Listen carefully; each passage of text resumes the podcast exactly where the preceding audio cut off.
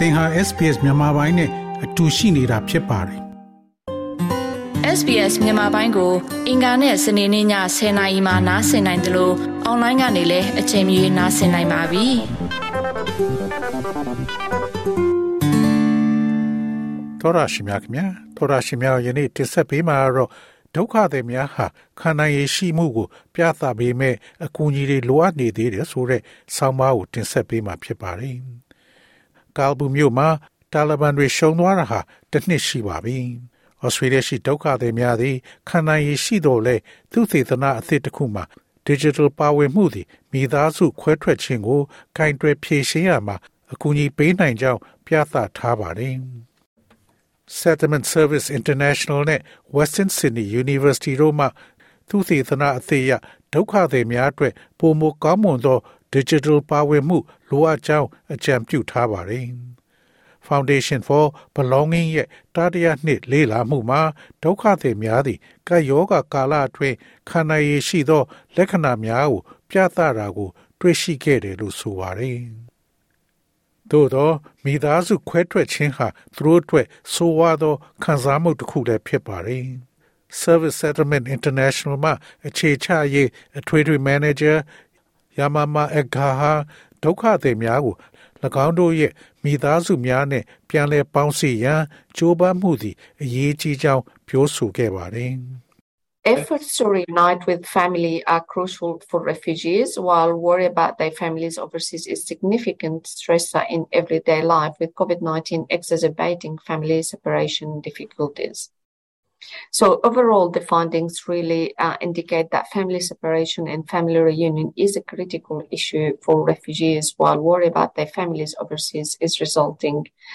um, in some မိ psychological သားစုနဲ့ distress ပြန် in လည်ပေါင်း everyday စည်းရန် life ကြိုး in ပမ်းမှု many, ဟာ many ဒုက္ခ cases သည်များအတွက် exacerbated အရေး by ကြီး the တော်လဲ pandemic. ၎င်းတို့ရဲ့မိသားစုများ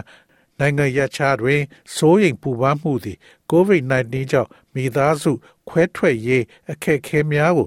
ပုံမဆိုးဝါးစေသဖြင့်၎င်းတို့ရဲ့နေ့စဉ်ဘဝမှာတည်တာထင်ရှားတဲ့ဖြည့်ဆည်းမှုတစ်ခုဖြစ်လာနေပါတယ်။ထို့ကြောင့်ခြုံငုံကြည့်မယ်ဆိုလို့ရှိရင်မိသားစုခွဲထွက်ခြင်းနဲ့မိသားစု ပြန်လည်ဆုံစည်းခြင်းသည်ဒုက္ခသည်များအတွက်အရေးကြီးသော ပြဿနာတစ်ခုဖြစ်နိုင်ပါတယ်။နိုင်ငံရခြားတွင်၎င်းတို့ရဲ့မိသားစုများနဲ့ပတ်သက်လို့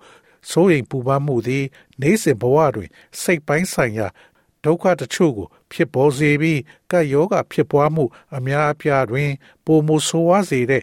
ကိစ္စအများအပြားကိုခြုံငုံသုံးသပ်တွေ့ရှိချက်ကအမှန်တကယ်ကိုပင်ညွန်ပြနေပါတယ်။လေ့လာမှုတွင် digital ပါဝင်မှုလက်လန်းမီမှု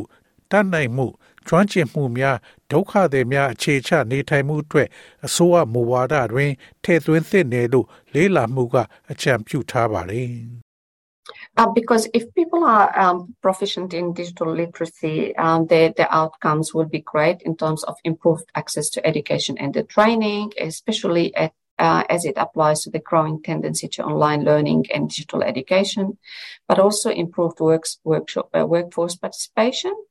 and improved access to information, not only in, in English, but also in people's uh, first language, which is uh, the လူများ language သည် other than digital English, if- စာ if တတ် they မြောက် can မှုတွင် access ကျွမ်းကျင်ပါက Um, then အထူးသဖြင့် enhance online capacity သင်ယူ to မှု engage နဲ့ with the broader digital community ပညာ via ရေးကို community as well. တိုးလာနေသောသဘောထားနှင့်သက်ဆိုင်သောကြောင့်ပညာရေးနှင့်လေ့ကျင့်ရေးတွင်ပုံမကောင်းမွန်သောလက်လန်းမီမှုဆိုင်ရာရလဒ်ကောင်းများရရှိမှာဖြစ်ပါလေ ထို့အတူအလုတ်ယုတ်လုံသားများရဲ့ဘူပေါင်းပါဝင်မှုကိုမြင့်တင်ပေးပြီးအင်္ဂလိပ်လူသားမကသတင်းအချက်လက်ရရှိရေးကိုလည်းမြင့်တင်ပေးနိုင်မှာကအင်္ဂလိပ်ဘာသာမဟုတ်သောတခြားဘာသာစကားဖြစ်တဲ့လူတို့ရဲ့ဘာသာစကားဖြင့်ဝင်ရောက်ကြည့်ရှုနိုင်ရင်ပုံမကျပြန့်သော အသိုက်ဝိုင်းနှင့်၎င်းတို့ရဲ့အသိုင်းဝိုင်းအတွင်းထိတွေ့ဆက်ဆံနိုင်မှုစွမ်းရည်ကိုမြင့်တင်ပေးမှာပါ 2021ခုနှစ်တာလီဘန်တို့သိမ်းပိုက်မှုမှထွက်ပြေးလာစဉ်အသက်၈နှစ်အရွယ်မာရီဟူဆာနီနဲ့၎င်းရဲ့မွေးချင်းများသည်ယခုအခါအာဖဂန်နစ္စတန်တွင်ပိတ်မိနေသောမိခင်နှင့်ညီအကိုများနှင့်ကွဲကွာနေခဲ့ရပါသည်ကာဘူးမြို့မပြိုလဲခင်မှာမစ္စတာဟူစိန်နီဟာဂျာဂရီမြို့မှာနေထိုင်ပြီး17နှစ်အထက်တန်းကျောင်းသားတစ်ဦးဖြစ်ပါတယ်တာလီဘန်တို့သိမ်းပိုက်လိုက်သောအခါတွင် မစ္စတာဟူဆာနီရဲ့ကိုဖြစ်သူကဩဩစတြေးလျနိုင်ငံသားတဦးဖြစ်ပြီးအာဖဂန်နစ္စတန်နိုင်ငံတွင်၌အဲ့ဒီချိန်မှာရှိနေခဲ့ပြီးမိသားစုအားထွက်ပြေးလွတ်မြောက်ရန်အတွက်ကာဘူးသို့ပို့ဆောင်ပေးခဲ့ပါတယ်။ဒါပေမဲ့ကာဘူးလေဆိပ်မှာလူစုလူဝေးပင်လယ်ကြီးကြောင့်မစ္စတာဟူဆာနီရဲ့အမေနဲ့အကိုကကျန်တဲ့မိသားစုတွေနဲ့ကွဲကွာသွားခဲ့ပါတယ်။မစ္စတာဟူဆာနီအတွက် ဒါရီစကားပြန်တယောက်ကအမေးဆိုတဲ့စကားလုံးကိုပြောဆိုတိုင်း၎င်းမျက်ရည်ကျငိုရတယ်လို့ဆိုပါတယ် they tell um, the older brother we don't want to go we want to stay with mom and this one year it's a lot and a lot of uh, you know uh, they feel sad and they cried and he says we never get uh, we never enjoy here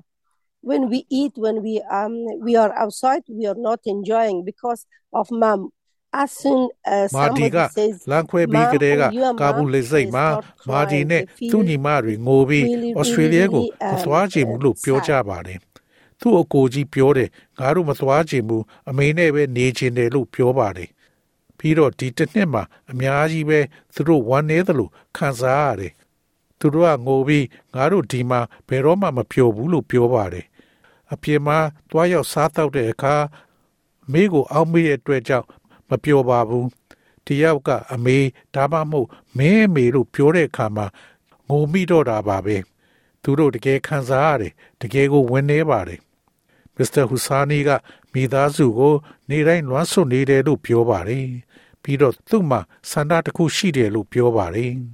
Mahdi says, My only wish is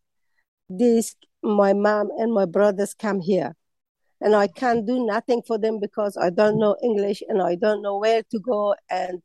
uh, with who should I talk to bring them here. Just he မာ says, ဒီက please ငါ help ရဲ့ me တခု and, ဒီသော uh, ဆ I န္ဒ want က my mom ကျွန် and တော် my အမေနဲ့ brother to be here. ကျွန်တော်ညီတွေဒီကိုလာဖို့ပါပဲအင်္ဂလိပ်လိုမသိလို့ဘယ်ကိုသွားမလဲဘယ်သူတွေနဲ့စကားပြောရမယ်ဆိုတာကိုမသိတာကြောင့်သူတို့အတွက်ဘာမှကျွန်တော်မလုပ်ပေးနိုင်ပါဘူး ကျေးဇူးပြုပြီးကျွန်တော်ကိုကူညီပါလို့ပြောပြီးကျွန်တော်အမေနဲ့ကျွန်တော်ညီကိုဒီမှာရှိစေချင်ပါတယ် Foundation and Belongings 2022ကိုဩဂတ်စ်လ16ရက်နေ့တွင် Australian အမျိုးသားရေချောင်းပြတိုက်တွင်စတင်ပြသခဲ့ပါတယ်။ဩဂတ်စ်လ15ရက်နေ့သည်တာလီဘန်တို့ကာဘူးမြို့ကိုသိမ်းပိုက်တာတစ်နှစ်ပြည့်တဲ့အထိမ်းအမှတ်ဖြစ်ပါတယ်။သောရရှိမြခင်ဗျာ SBS သတင်းဌာနက Tom Kennedy ရဲ့ဆောင်းပါးကိုဘာသာပြန်တင်ဆက်ပေးထားတာဖြစ်ပါတယ်ခင်ဗျာ။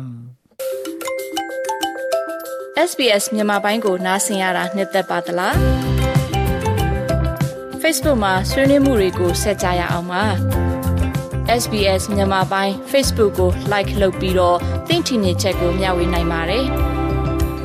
SBS Bemis ကို Facebook မှာ share ကြည့်နိုင်ပါတယ်ရှင်